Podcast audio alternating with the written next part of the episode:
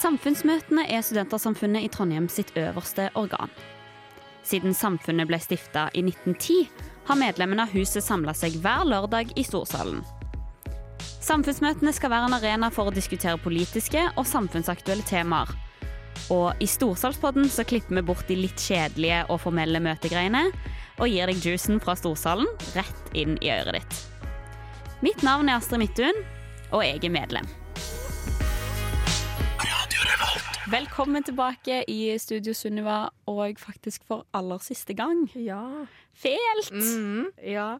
Eh, det har vært eh, ditt siste samfunnsmøte som du har leda. ja, det stemmer. Ja, og det var sykelig toppidrett. Mm. Eh, baksiden av eh, gullmedaljen. Mm. Litt eh, dyster tittel. Ja. ja. Hva er, er det dette her handler om?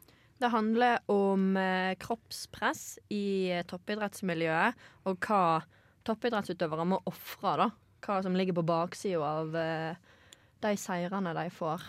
Ja, for jeg tenker jo at toppidrettsmennesker, no offence, men eh, at de ofte er veldig, veldig kjedelige.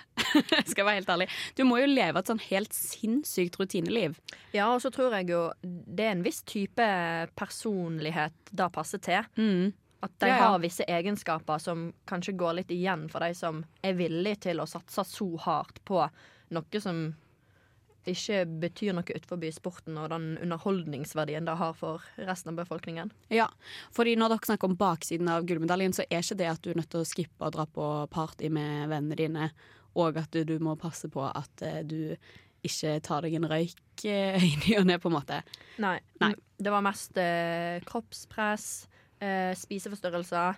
Eh, vi ble interessert i dette temaet eh, når eh, Maren Lundby, skihopper, kom, eh, gikk ut i media og eh, sa at hun ikke ville satse mot OL, som var i Beijing i år, eh, fordi at hun ville ikke slanke seg for å møte vektkravene i skihoppidretten Mm. på en uforsvarlig måte. Ja. Ja, for det er jo det at du måtte jo ha, eh, ha gått inn for det og eh, gjort det på ikke helt sunne måter for Ja. å klare å gå så mye ned i vekt som mm. eh, hun måtte ha gjort. Ja, riktig. Eh, men eh, hvem er det dere har fått eh, med dere? Det er jo en del representanter fra skihoppmiljøet, da? sånn å forstå? Ja, i hvert fall to. Ja. Det er Halvor Egner Granerød, Mm. som er den mestvinnende mannlige norske skihopperen i verdenscupen. Ehm, som eh, ja, eh, har gjort det både satsa ei stund, fikk det ikke helt til, og så plutselig en sesong så gikk det veldig bra. Ja. Så det var litt spennende å høre. Hva var det han gjorde for å plutselig på en måte komme på eh, oppsida av de marginene for Ja. å vinne?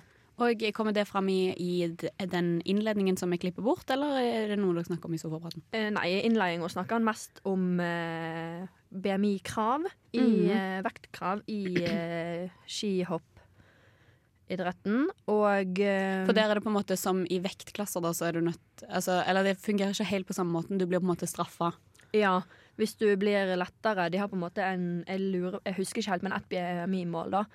Ehm, for å Hvis du kommer unna da, så eh, må du hoppe med dårligere utstyr. Mm. Sånn du blir på en måte straffa hvis du ikke er på en måte på ei sunn vekt. da. Ja. Eh, for da at en har sett tidligere, før disse nye reguleringene kom, veldig usunne skihoppere, da. Ja. Mm, OK, skjønner.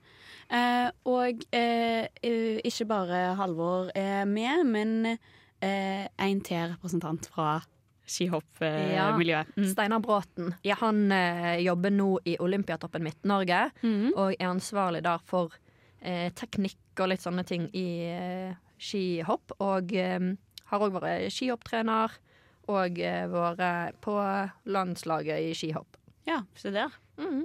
Hei og hå. Og hva er det han eh, bidrar med i samtalen her, da? Eh, han eh, peker jo litt sånn på hva som egentlig er usunt, hva som er sunt Mm. i toppidretten.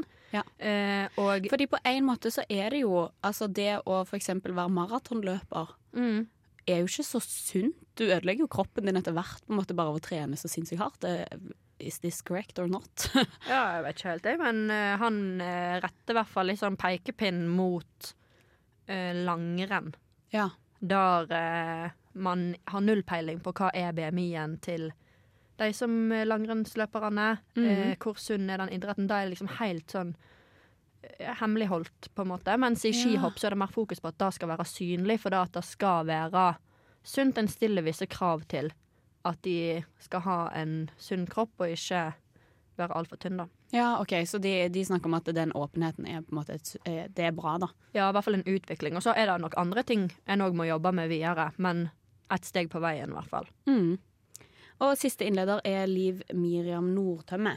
Ja, hun har eh, både vært langrennsløper og friidrettsutøver. Mm. Og eh, var i si tid, for 18 år siden, så ble hun intervjua om spiseforstyrrelser, dårlig forhold til egen kropp i langrenn- og friidrettsmiljøet. Og hun svarte ærlig på det, at hun hadde liksom sett at folk eh, har eh, spiseforstyrrelser blant de løperne hun var sammen med. Mm. Eh, og blei da eh, holdt veldig ansvarlig for dette og skjelt ut i, av Skiforbundet. For at hun prater åpent om det, på en måte. Ja. Mm. Eh, så hun snakker litt om det, hvordan det var, og at hun fortsatt engasjerer seg i denne debatten, da, som nå har blitt tatt litt opp igjen. Mhm. Eh, hvis eh, du skal si én ting som du tok ut fra denne samtalen som du ikke visste så mye om før, hva er det? Det er jo Ja, gud. Ehm, det var jo masse å ta tak i, men jeg tror ehm, at noen deler av toppidretten Jeg har jo tenkt litt sånn at Litt sånn som du sier òg, at det er jo ikke sunt. Mm. Men de har jo en veldig sånn rutine hver dag. De trener mye, de holder seg i fysisk aktiv form. De er veldig lite sjuke. Ja. Nå vet ikke jeg om min eh, dø- altså terskel for å være sjuk er lavere Ja. enn deres, men Ja, ja, ja, ja. det virker jo ikke sånn. For at de skal jo ha maks lungekapasitet, vet det, Ja. søren jeg, når de Mhm. trener. Ja. Men at det er liksom Ja. Det overrasker meg litt at uh, de reiser så masse og kjører så hardt, og så har de kanskje Jeg tror Halvor sa han hadde maks tre sjukedager i løpet av et år.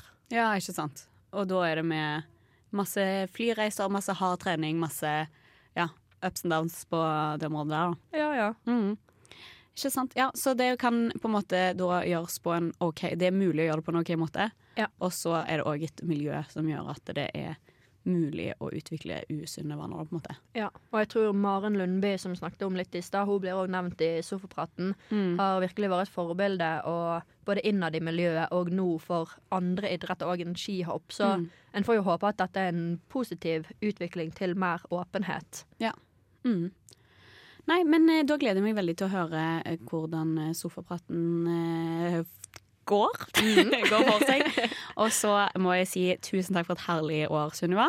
Takk i like måte. Det har vært veldig stas. Og så eh, får vi bare se hvor eh, livet tar deg videre, og Ja, hvor Storsalspodden blir tatt videre. Det blir spennende. Da blir det.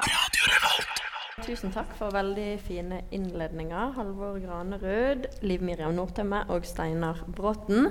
Eh, først har jeg lyst til å begynne med å spørre eh, Dere sa kanskje litt om det i stad, men jeg lurer litt på hva kreves det egentlig for å være en toppidrettsutøver og å prestere på toppnivå? Du sa jo litt om det, Halvor, med liksom alle disse marginene. Men hva er det som kreves av en som individ da, for å klare å komme på den sida man har lyst til av de marginene?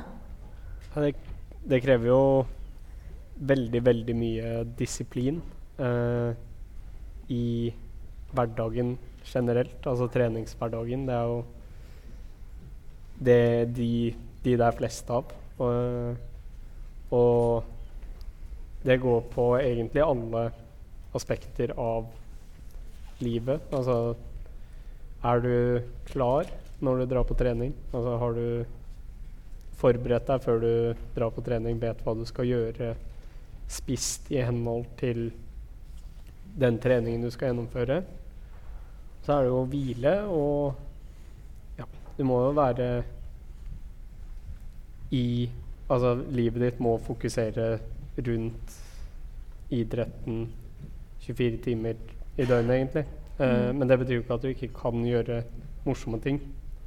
Du må bare planlegge dem litt bedre. Mm. Og eh, Steinar, er det Ser du noen forskjell på hva det på en måte eh, krevde av en før i tida enn nå? Er det liksom en forskjell der? Nei Eller alt endrer seg, selvfølgelig. Alt utvikler seg. Men vi, vi har jo regna i siden i hvert fall siste 30 år at du trenger eh, du trenger 10 000 timer. da, Så 1000 timer i året i ti år. For, og da kan de fleste nå dit de vil, hvis du er i nærheten av å ha talent for det. Eh, og da må du hele tida ha den, den eh, Leve etter de prinsippene som Halvor er inne på. Eh, og den, eh, den har vært eh, Mengden der har nok vært lik ganske lenge, men innholdet det endrer seg jo hele tida. Mm. Eh, men hva er det da som på en måte skiller at en klarer å prestere helt? Er det òg i hverdagen da, små marginer og justeringer en må gjøre, som er det som skiller de små marginene i resultat òg? Ja, altså Sånn, sånn jeg har opplevd det, da, i hvert fall, så var det en veldig Jeg får selvtillit av å føle meg godt forberedt, som gjør at jeg syns det er lettere å prestere i en stressituasjon. For jeg vet at jeg har gjort alt jeg kan for å være best mulig forberedt til den situasjonen. Eh, og ja, det går i hvert fall for min del. Da, så må jeg føle at jeg får brukt hver dag så godt som mulig. Og det jeg tror det er veldig mange som kan brenne seg på, er at så godt som mulig er ikke nødvendigvis det at du har trent knallhardt i tre timer. Det kan også være at du har tatt en fot i bakken og tatt en hviledag, liksom. Mm. Men altså mot noe obskurt i fremtiden, så bruker du prøver du å bruke hver dag så fornuftig som mulig for dette noe som kommer en eller annen gang. Mm. lite poeng til. Altså, Ja. eh, vi, vår erfaring er at det er flere som ikke tar de siste stega for de er for dårlige til å rehabilitere, enn at de er for dårlige til å trene. De har ikke god nok balanse til, mellom eh, rehabiliteringa og treninga. Og dermed slites kroppen ned i stedet for å bygges opp. Da. Mm. Så det er veldig mange som trener nok og trener godt nok, men av en eller annen årsak så får de ikke rett rehabilitering, eh, og dermed ikke utvikling. Da. Så, og det er et tema som eh, flere har vært innom, sant, som er et, som er et, eh, et spill. Da. Mm. Ja, vil du si noe, Ja, det, det som ofte kjennetegner en, en toppidrettsutøver, altså en som, en som virkelig blir god, og som når, når verdenstoppen, er jo gjerne den her perfeksjonismen. Mm. Altså uh, alt sammen skal gjøres helt perfekt. Treninga skal gjøres perfekt, restitusjonen skal gjøres perfekt. Eh, matinntaket skal være, skal være perfekt. Eh, Organiseringa av hverdagen skal være veldig god. Og det må organiseres godt for at det skal gå opp, for at en skal få til de her 1000 timene uten, skal, uten at det skal pådra, seg sykdom og, og skader og få et problem med det. Men med den perfeksjonismen og det, all den ofringa som gjøres i hverdagen ellers Kanskje kutte ut en kinotur fordi at det er en fare for å bli syk rett før VM eller OL. sant? Eh, og alt det andre som settes litt på vent, så, så det klart at det, prestasjonene blir veldig viktige. Og hvis en da føler at en kan gjøre litt ekstra, litt mer, litt bedre, og aldri helt bli fornøyd, så kan jo bekke over til slutt. Det kan bli et problem til slutt. Mm. Og det er jo litt sånn når jeg har eh, researcha litt til dette samfunnsmøtet, så eh, har jeg òg sett at det med spiseforstyrrelser og idrett har blitt kalt søskenkulturer. Eh, med nettopp det du er inne på nå, med at eh, det handler om en enorm på en måte, kontroll på alt. Eh, både matinntak og sånn at det er noen sånn fellesnevnere eh, på det å drive med idrett på toppnivå og spiseforstyrrelser. Eh, men tror dere at måte denne likheten mellom disse to gjør at en som toppidrettsutøver er ekstra utsatt for å utvikle eller stå i fare for å utvikle en spiseforstyrrelse? Ja, absolutt. Og så må vi, vi, vi må, vi må ikke tenke at det nødvendigvis er idretten som er skyld i alt. Idretten kan kanskje være en bidragsyter i enkelte situasjoner, enkelte enkelttilfeller. Eh, men vi må òg være klar over at idretten, og spesielt toppidretten, eh, tiltrekker seg litt de personlighetstrekkene som òg ligger litt sånn i bunnen hos andre som, har spisefor, som utvikler spiseforstyrrelser. Blant annet den perfeksjonismen som vi snakker om. Ja. Så hva som er høna og hva som er egget her, det er vi litt usikre på. ja. Men at vi vet at toppidrettsutøvere, spe spesielt innen, innen enkelte idretter, der eh, vekt har mye å si, eller estetiske idretter, så er det jo en større hyppighet av spiseforstyrrelser enn ellers i samfunnet. Mm. Men hvor hen er det For det er jo forskjellige krav og forskjellige eh, gjennomsnittsvekt og høgde i forskjellige idretter og sånn. Men hvor hen går på en måte den grensa der dette kontrollen og forholdet til mat og trening og alt sånn går ifra å være på en måte produktivt mot den idretten du satser på, til å bli skadelig for deg sjøl? Det er vanskelig og Jeg tror det er individuelt òg når du ikke har kontroll lenger, da, eller uh, tror du har kontroll, men ikke har det. Så det, det er en vanskelig knivegg, men den, men den er det jo mange som balanserer på uh, hele tida. Og det, det må en jo det, det må være en del av, av forberedelser, da, kall det det. Det må være en del av støtteapparatet. Det må være en del av, av strukturen rundt utøverne og laga som, som tar seg av det her. Og det er der vi mangler. Det er der vi ikke er åpne nok. Det er der eh, for mange prøver å, å unngå debatten, prøver å skyve det bort fordi at de har ikke kunnskap om hva som skal til. De har ikke omgivelser og ressurser, sjøl om de faktisk fins. Og så er det også det problemet med at da må vi vedgå et problem. Eh, da må vi vedgå at vi må gjøre noe litt annerledes. Og I idretter med trang eh, økonomi og avhengige resultater, så klart det blir, det blir en, en, en, tunga på vektskåla som sier at nei, vi, vi håper heller at, eh, at eh, vi unngår det. Så det, det, det, er en eh, mangel på transparent dyktighet, da, kall det det, og at du har tro på at du kan komme gjennom eh, problematikken. Det er de idrettene som, som, eh, som sliter mest. Det, det er en evig balansegang. og den, eh, Jeg vet ikke om du får full bukt med den. Og I Norge så har vi ganske mye ressurser per utøver i forhold til enkelte andre land. Altså, så vi er kulturelt hel heldig stilt. Eh, vil jeg si, Og dermed er det jo internasjonalt da, befengt med holdninger og kulturer som vi påvirkes av gjennom, eh, gjennom internasjonal toppidrett. Sant? Som vi må jobbe med hele tida. Mm. Eh, jeg vil bare gi beskjed at Johanne Påske kan gjøre seg klar for å stille sitt spørsmål. Og så vil jeg minne de andre om at det er mulig å skrive seg på talerlista.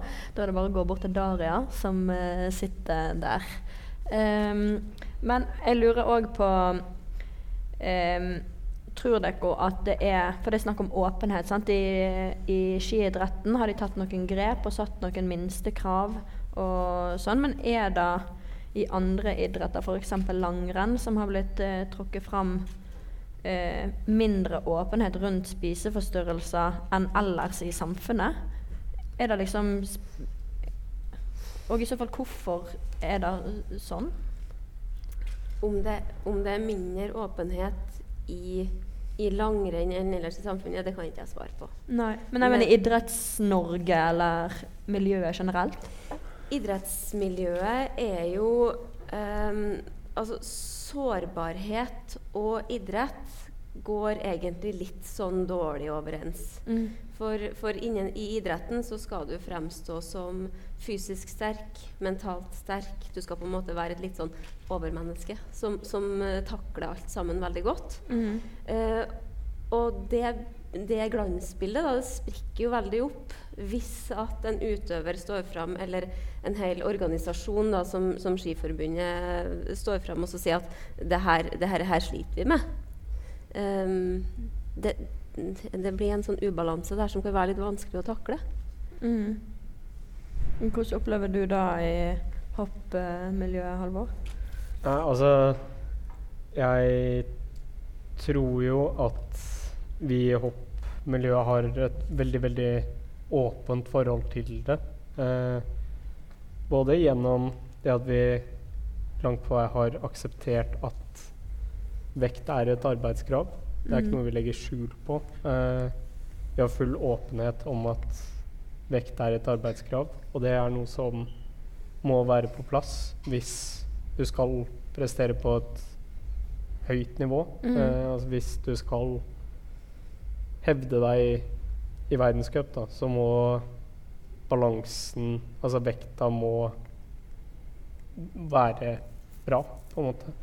Og bra er riktig eh, i forhold til din kropp og din teknikk. Eh, og den åpenheten og den aksepten opplever jeg i hvert fall at har gjort at vi har, vi har ikke noe problem med å si at og, i dag var jeg litt tung. Jeg må spise litt mindre til middag. Eller motsatt. Eh, det er vel egentlig oftere motsatt at eh, Fordi sesongen er så intens, og det er Altså, vi har 20 rennhelger nesten, eh, Mm. hvor du hver eneste helg må prøve å være ca. på den vekten du har egentlig valgt selv. Eh, det gjør at vi oftere føler at vi må spise en ekstra porsjon til middag. Eh, men diskusjoner rundt det føles, i hvert fall for min del, veldig lette. Eh, og det at selv om de føles veldig lett for min del, betyr ikke det at det er lett for alle. Men i hvert fall sånn jeg opplever det, er at den åpenheten har ført til at det er veldig lett å ta opp et problem hvis du enten er tung eller lett i forhold til vekttall. Mm. Jeg tror vi skal slappe til Johanne, som kan få stille sitt spørsmål. Og Jens Ølberg kan gjøre seg klar. Hei, eh, jeg heter Johanne og jeg er medlem. Eh, I toppidrett så er det jo vanlig å starte satsingen tidlig. eh, og Jeg har selv gått langrenn. Og jeg husker fra da jeg var sånn 12-13 at eh, trenerne pratet mye om lette løpere. Eh, og Derfor så lurer jeg litt på hva dere tenker om at slankepress også er til stede i barneidretten. Og hvordan man skal få bukt med dette. Det syns jeg er kjempetrist å høre. Ja. Veldig trist. Det er altså slanking, prat om eh, Snakk om lette løpere i hele tatt. Det å, det å kommentere kropp eller vekt på noen som helst løpere foran barn og unge, det tenker jeg det er en uting. Mm. Eh, du skal så voldsomt høyt opp i eh, nivå før at vekt faktisk er en faktor som har betydning. Altså Hvis du ser på hvem som presterer i, i ungdomsårene i, i langrennssporet, så har vekt omtrent ingen betydning. Ja. Eh, men det er klart at når du, når du kommer litt lenger oppi, så kan det kanskje bety litt, men fortsatt veldig lite. Så, så den, den vekt eh, Vekta har blitt så veldig opphausa, spesielt i langrenn. I forhold til hvor mye det betyr. Altså I hopp så kan jeg forstå at det betyr mer. Men dere har jo gode øh, Dere håndterer det jo på en helt annen måte og er mye mer åpne rundt det. Eh, så jeg tenker at det, også, det å høre at det blir snakk om lette løpere for, øh, for unger, Mm. det, det skaper jo bare kjempestore problemer. Ja. Og det er jo òg noen ting av det som vi må komme ut med. Mm. At, øh, at sånn skal ikke være. Mm. Og Steinar, hadde du Jeg vil bare si at jeg frykter det på, som svar til, Ja. på spørsmålet. Jeg, jeg frykter det. Noe Halvor skal få svare for hopp, da, men eh, i hopp så vet en at et hopp under 50 meter lengde, sant, så teller flydynamikk eller altså vekt og luftforhold, teller jo bare en tyvendedel og sånt, enn hvis du skal hoppe 200 meter. Mm. Så det, da, da, da har du litt lettere for det. Men det samme er det jo i langrenn. Det, for eksempel, da, så de går jo ikke de samme En tiåring går ei flat løype. Sant? Du, du, du tar ikke monsterbakken før du er på supernivå.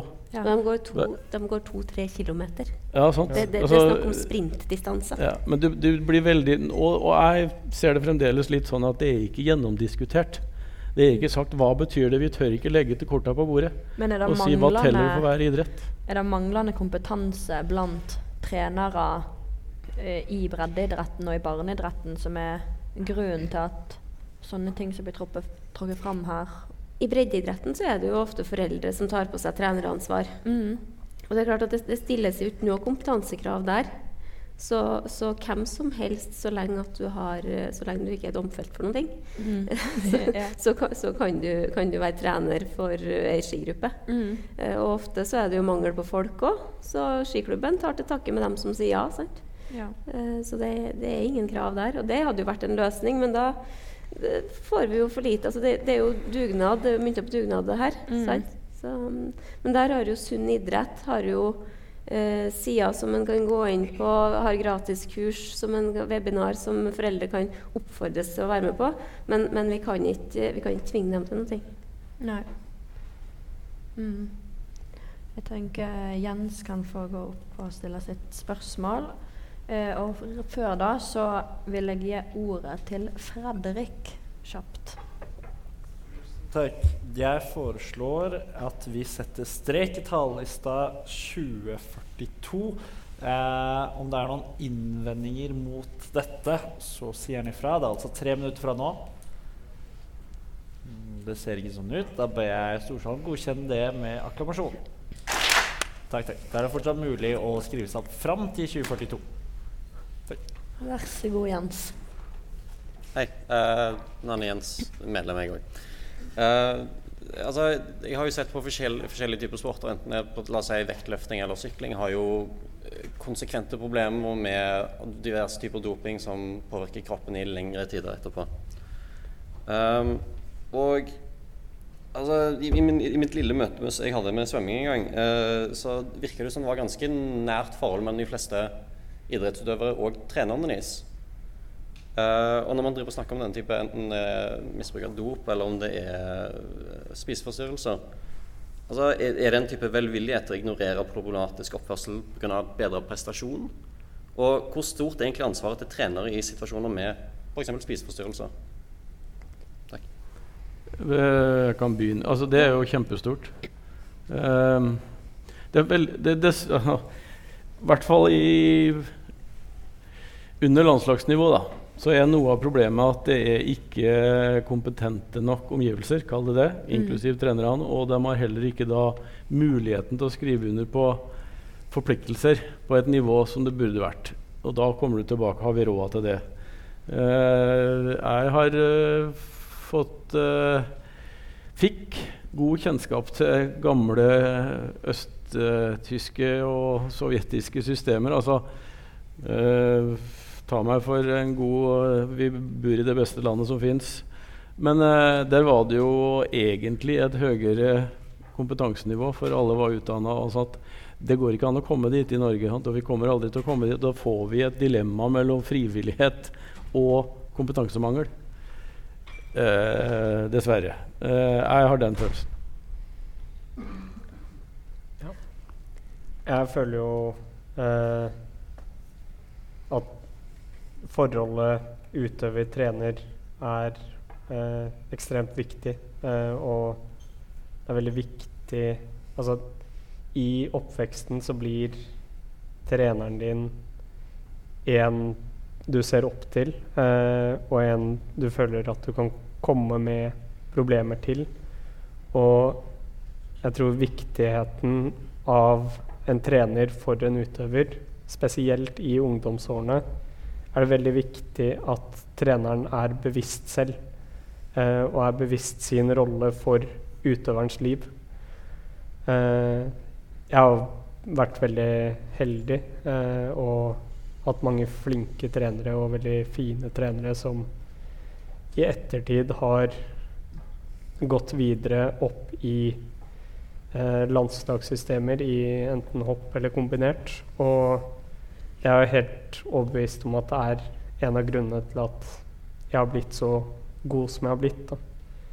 Og det er jo litt, litt livets lotteri, føler jeg, eh, som også gjenspeiler seg i, i toppidretten. At du, du er prisgitt de menneskene du har om, om, rundt deg, og, og de trenerne du får tildelt basert på hvor, du, hvor i Norge du faktisk er fra. Mm. Du må Dessverre. være litt heldig og uheldig. Dessverre. Ja, Mm. definitivt, dessverre.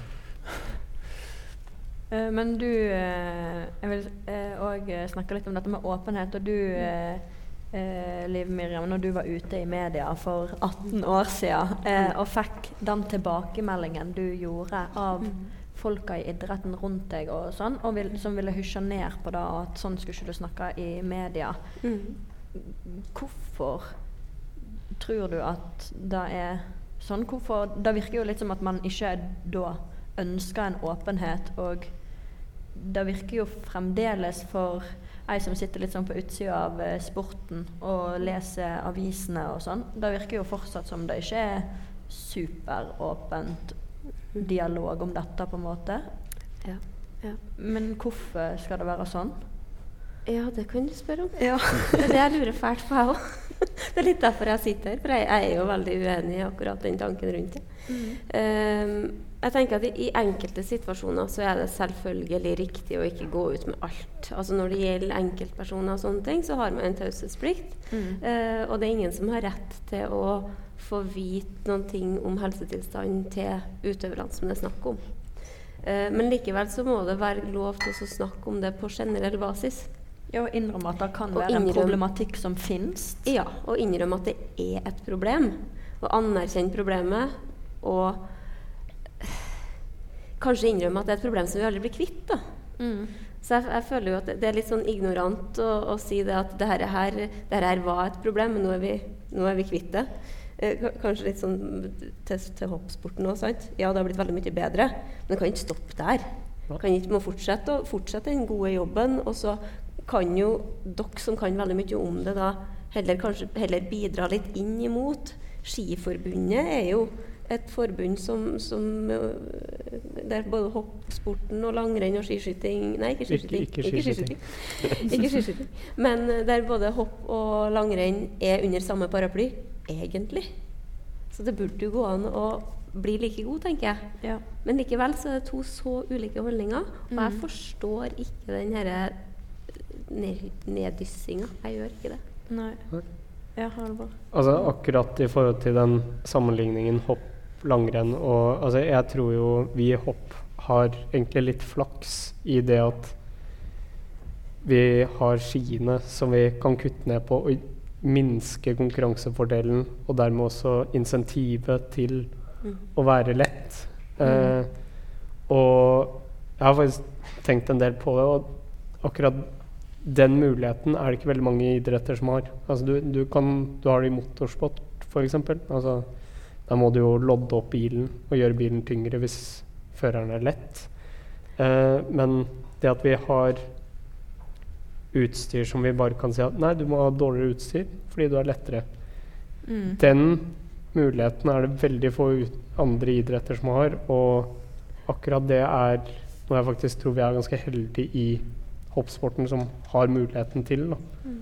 Det å gi et handikap til de som er lettere. Da. Og jeg sliter med å se hvordan man skal klare å implementere samme løsninger med de samme sportslige insentivene for utøvere. Da. Og det er jo egentlig til syvende og sist det man må finne for at folk ikke skal tyne kroppen u, altså på en sykelig måte. Mm.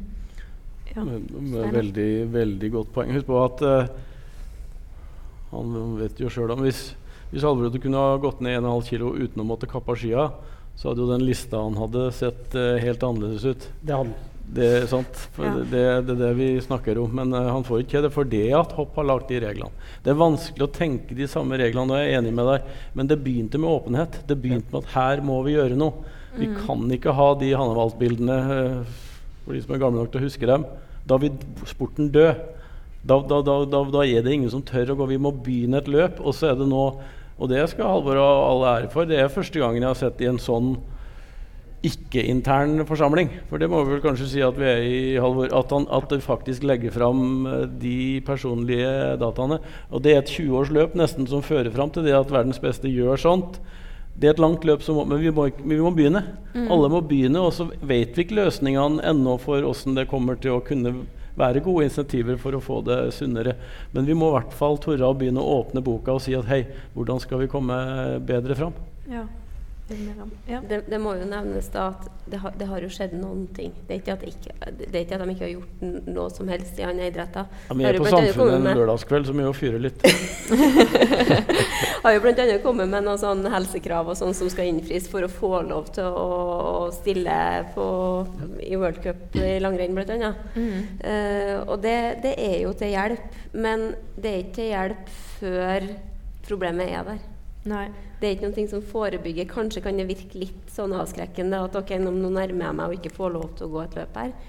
Uh, men det er kanskje ikke det, det viser seg jo det er ikke nok. Mm. Og det er jo disse kravene En så jo f.eks. i høst at uh, skihopper Maren Lundby gikk ut og sa at hun ikke satsa mot OL som var i Beijing nå, for å unngå å uh, uforsvarlig gå ned i vekt for å møte eh, dette kravet. Eh, og har dette på en måte endra en ny åpenhet rundt eh, hvordan man som individ og idrettsutøver kan ha problemer og vansker med å møte disse kravene, og at da kan Krav er ikke nødvendigvis bare positivt at man skal klare å møte dem, eller har dere noen tanker rundt det? Ja. Ja.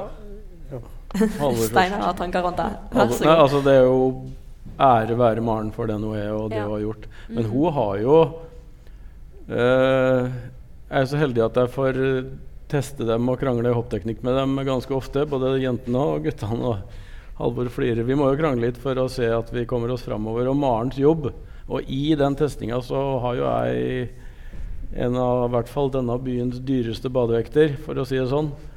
Så jeg ser jo hva de jobber med. Jeg ser jo konstant hva utfordringa er. For at hun skal fly. Mm. Og er en dame som ikke Jeg tror Halvor har lettere for det enn Maren har, f.eks. Så hun har jo tyna noen grenser lenge som sier at nå må vi slippe opp for hun skal være menneske resten av livet. Og gjort det så åpent, så ærlig Mm. og så godt som hun eh, har gjort. Jeg syns det er et kjempepluss for, eh, for hoppsporten, og det har Maren all ros for også. Eh, jeg, jeg, jeg kan ikke forstå annet enn at det må ses positivt på. Ja, og kanskje et forbilde òg i andre idrettsgrener òg. At eh, noen tør rett og slett å være åpen om det. Jeg må si Som helsepersonell så syns jeg jo at det er fantastisk å se at en idrettsutøver òg kan sette helsa si og resten av livet sitt foran idretten. For idrett er egentlig ikke så viktig. Ikke, ikke sånn i den store sammenhengen. Så, så, Nei, men det er, det er jo ikke det. Nei, det er ikke det. Det er ikke det. Det er egentlig ikke så viktig. Det, det er en gjeng, med, en gjeng med voksne som har fortsatt å leke seg, som på en måte ikke er blitt, ikke blitt helt ordentlig voksne ennå. Ja, det jeg tar den. Men, men, men det, kommer til, det kommer til et punkt der man ikke kan fortsette med den leiken på det nivået og ikke få betalt for det lenger. Mm.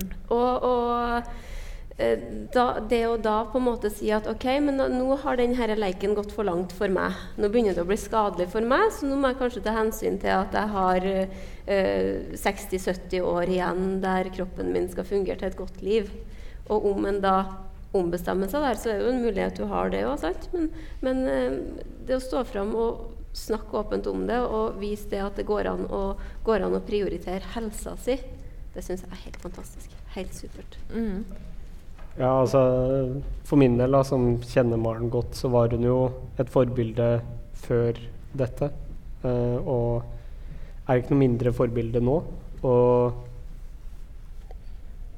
jeg har så lenge jeg kan huske, hatt et ganske avslappet forhold til min egen høyde og vekt. Mm. Uh, men det, jeg vet ikke. Kan, det kan godt hende jeg ikke hadde delt eh, min egen høyde og vekt her hvis det ikke hadde vært for Maren. Ja. Og det kan godt hende at vi ikke hadde hatt denne sofasamtalen her hvis det ikke hadde vært for Maren. Så det at hun var så tøff Mm. og blottla seg på den måten, det var utrolig stort. Mm. Ja, enig.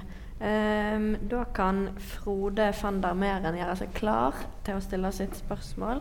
Ja, du sitter så nærme. Vær så god, du kan få gjøre det med en gang. Ja, mitt navn er Frode. Jeg er medlem. Eh, Nå har det jo vært snakk om som sagt at man pusher grenser og optimaliserer så til de grader for å eh, gjøre det absolutt best mulig. Eh, og når man også har hørt om de kravene som kom innen hoppidretten da eh, eh, Var det noe alle var eh, enige om måtte gjøres, eller var det et oppgjør man måtte ta da med folk som satte seg imot disse endringene fordi at de måtte legge om stilen? Jeg tror jeg, jeg begynner med som er gamlest der. Eh, jeg var jo i gamet når diskusjonene kom. Mm. Eh, og selvfølgelig ikke. Altså, nå snakker vi om et internasjonalt samfunn med en eh, seks-sju nasjoner som uh, gjerne vil ha sitt. Den første relative skilengda det var, Bare for å ta historien hvordan det skjer. Den første relative skilengda kom, midt på 90-tallet var noen av oss som var med å utarbeide den, så kommer det som forslag til et sånt FIS-møte. Og alle som sitter der, det her er jo helt selvfølgelig. Dette må vi gjøre. Og så går den høringa ut til alle nasjoner, og da får jo landslagstrenerne beskjed om hva, hva skjer med mine utøvere neste år. Og så begynner diskusjonen. Så gikk det to år før det ble innført. Og det samme skjer da. Så det, det er ikke sånn at halleluja, det er det aldri, for det at du har et kortsiktig mål. Men det var så sterke virkemidler at det måtte komme gjennom. Det måtte bli gjennom. Men norske landslagstrenere på den tida ble lynforbanna. Jeg var i rommet og hørte den. Så det, det selvfølgelig går ikke sånn, for de har, de har, et ansvar hit. Sant? Altså De med medaljer neste år, ellers er jeg sparka. Det må du bare regne med. Så det tar, litt, det tar unødvendig lang tid, kan du godt tenke deg. Men det er også et demokrati det at du har mange nok enig, ja, så går det gjennom. Så det, det, er en kamp, og den må begynne den kampen, og du må ha argumenter for å gjøre det, og de er der. Men eh, det gikk eh, Kanskje pga. valgt bildene, da, så gikk det nok fortere der enn hvert fall noen nasjoner trodde den gangen. Men det er aldri sånn at eh, halleluja, for de har kortsiktige mål som de må fylle opp, ellers får de sparken. For, forrige tors, nei, fredag, eh, fredag for en uke siden så satt jeg med på et utøvermøte hos, eh, med FIS, hvor eh, forslag om vi skal gjøre den vektavkuttingen uh, av ski, da, som går helt uh, lineært, tror jeg. Uh, det er skummelt å bruke sånn faguttrykk her med masse, masse, folk som kan det. Uh, men eventuelt om den skal gjøres mer progressiv, sånn at jo lettere, jo mer du avviker da, fra 21 i BMI, som vi tar utgangspunkt i, jo større blir straffen da, for å gjøre det enda mindre aktuelt å spekulere i forskjellig vekt, eh, ha kortere ski for å kanskje holde dem flatere. Eh, og bare i det rommet hvor det bare var utøvere, så blir Jeg merket jo at jeg er jo positiv til dette, fordi jeg hopper med ganske lange ski i forhold til min eh, kroppslengde, eller mine kroppsmål. Så, så for meg er dette en fordel. Og da merker jeg med en gang jeg er positiv. Jeg vil at uh, de som hopper med litt kortere ski i forhold til høyden sin, de skal bli straffet mer. Da får jeg bedre resultater. Og jeg merket også at eh, de utøverne som var i andre enden av skalaen, veldig negative. For det er jo ulempe for dem.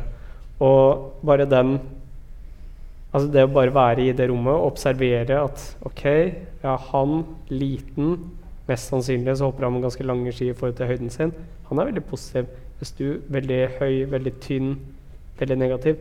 Det var veldig interessant, og jeg tror det illustrerer problematikken med dette i toppidretten veldig godt. For folk mm. ser seg selv først, før man ser det bredere og det, det beste for eh, Altså det helsemessige, da, eh, ved å for oss innføre enda strengere regulering av det, sånn at det blir Hvis du Internasjonalt så har vi ikke noen begrensning. altså Du kan ha 17,5 i BMI og, hvis du vil. Uh, og ja, det å fjerne, fjerne fordelen for noen gjør at de med en gang tar piggene litt ut og er imot. Mm, ja, jeg hadde kanskje ikke med den setninga, men må vi huske at det, det, er jo voksne som leker. Sant? Og det er jeg helt enig i det. Men du må huske på at det er deres profesjon. Altså Det er det de lever av, det er det de må tjene penger på. Og så tar du bort en, en fordel som sier at oi, neste år ble det ingen penger. Det er, en, det er, en, det er et dilemma, og du, du, du, skjønner jo at individene da står på, på sitt. Så det, det, er en prosess som du ikke må gi opp, for det at den må gå over noen generasjoner, det må gå over noen utøvere, det må gå over noen trenere for å komme fram. Da. I stedet for å si at det her er helt selvfølgelig. Mm. Det er et internasjonalt uh, bilde i tillegg, da, med kulturer som tenker ganske annerledes. Ja. Som er med og bestemmer. Så det, det, det tar tid. Og, og ganske egoistisk. Da. Og, det er veldig viktig at du får med det i hver sånn toppidrettsdiskusjon, uh, at vi er ganske egoistiske. Selvfølgelig. Men det er jo nå i Stortinget ganske nylig fremma et uh, forslag tidligere i år med krav om at regjeringa må utarbeide en handlingsplan mot spiseforstyrrelser i idretten. Eh, men hvem sitt ansvar tenker dere at det er? Er det politikerne som skal på en måte sette kravene? Eh, det, ligger det på en måte på systemnivå, eller er det liksom de enkelte trenger man ja, Hvor hen skal liksom endringen skje for at denne positive forandringen kanskje skal fortsette i den retningen man helst vil? Jeg håper jo at det er flere enn politikerne som skal ha en ting å si når det skal komme med forslagene. Ja. Um, Nei, det er klart at vi, vi, vet jo at det å endre på systemet og endre på premissene, det hjelper i alle tilfellene. Mm. Uh, ubehagelige endringer, det må vi tvinges litt inn i. Det er ikke noe som, som kan være uh, valgfritt, for da blir det ikke gjort. Da har vi en tendens til å bare fortsette som før. Mm. Så noe må nok tvinges fram. Men hva det skulle være, det håper jeg noen som er mer kvalifisert enn meg, kan komme fram til. Ja. Um, og så, så er det klart at hver enkelt òg gjerne må ta litt mer ansvar til å Altså innenfor, innenfor breddeidretten, da, at, at, klubbene setter litt sånn premisser i forhold til Altså legger til rette for mm. at foreldre kan få gratis trenerkurs, f.eks. Og så har jo eh, Idrettsforbundet har jo gjort, tatt noen grep der på flere av trenerutdanningene med at de har lagt inn det her med, eh, med spiseforstyrrelser og vektregulering og sånt som en del av eh, trenerutdanningene. Mm. Men ofte så kommer ikke det inn før på ungdomstrenerkursene. Så de som har tatt barneidrettskursene, som gjerne er det kurset som foreldrene tar, mm. eh, der er det veldig lite om det. Så diskusjonen går jo nå i Friidrettsforbundet, vet jeg, for jeg er med i Uh, jeg er trener i, i en friidrettsklubb her i Trondheim. Ja. Og der går jo diskusjonen nå på uh, om det skal inn tidligere, og om det temaet skal utvides i trenerutdanningene. Mm. Så, så, det gjøres jo ting på systemnivå, men uh, forhåpentligvis gjøres det mer etter hvert. Ja. Mm. Og så vil jeg være helt til slutt, vi har veldig lite tid igjen, egentlig er tida gått ut. Men jeg vil utfordre dere på å gi en kort oppfordring til oss eh, som sitter og hører på. Hvis dere eh, Hva skal en gjøre hvis en er bekymra for at noen kanskje bikker over på feil side av eh, det å ha et uh, usunt forhold til egen kropp og mat og sånn, eller om det er seg sjøl? Har dere liksom noe konkret hvis det er noen i nær omkrets eller relasjon, eller noen man ser på trening, eller mm. Ikke distanser deg. Mm. Tore å ta del i det. Måten det kan gjøres på, tror jeg er ganske individuelt, og hvilket forhold. Men det er lettest å prøve å skyve seg unna og skyve det altså Det en, føles alltid den enkleste.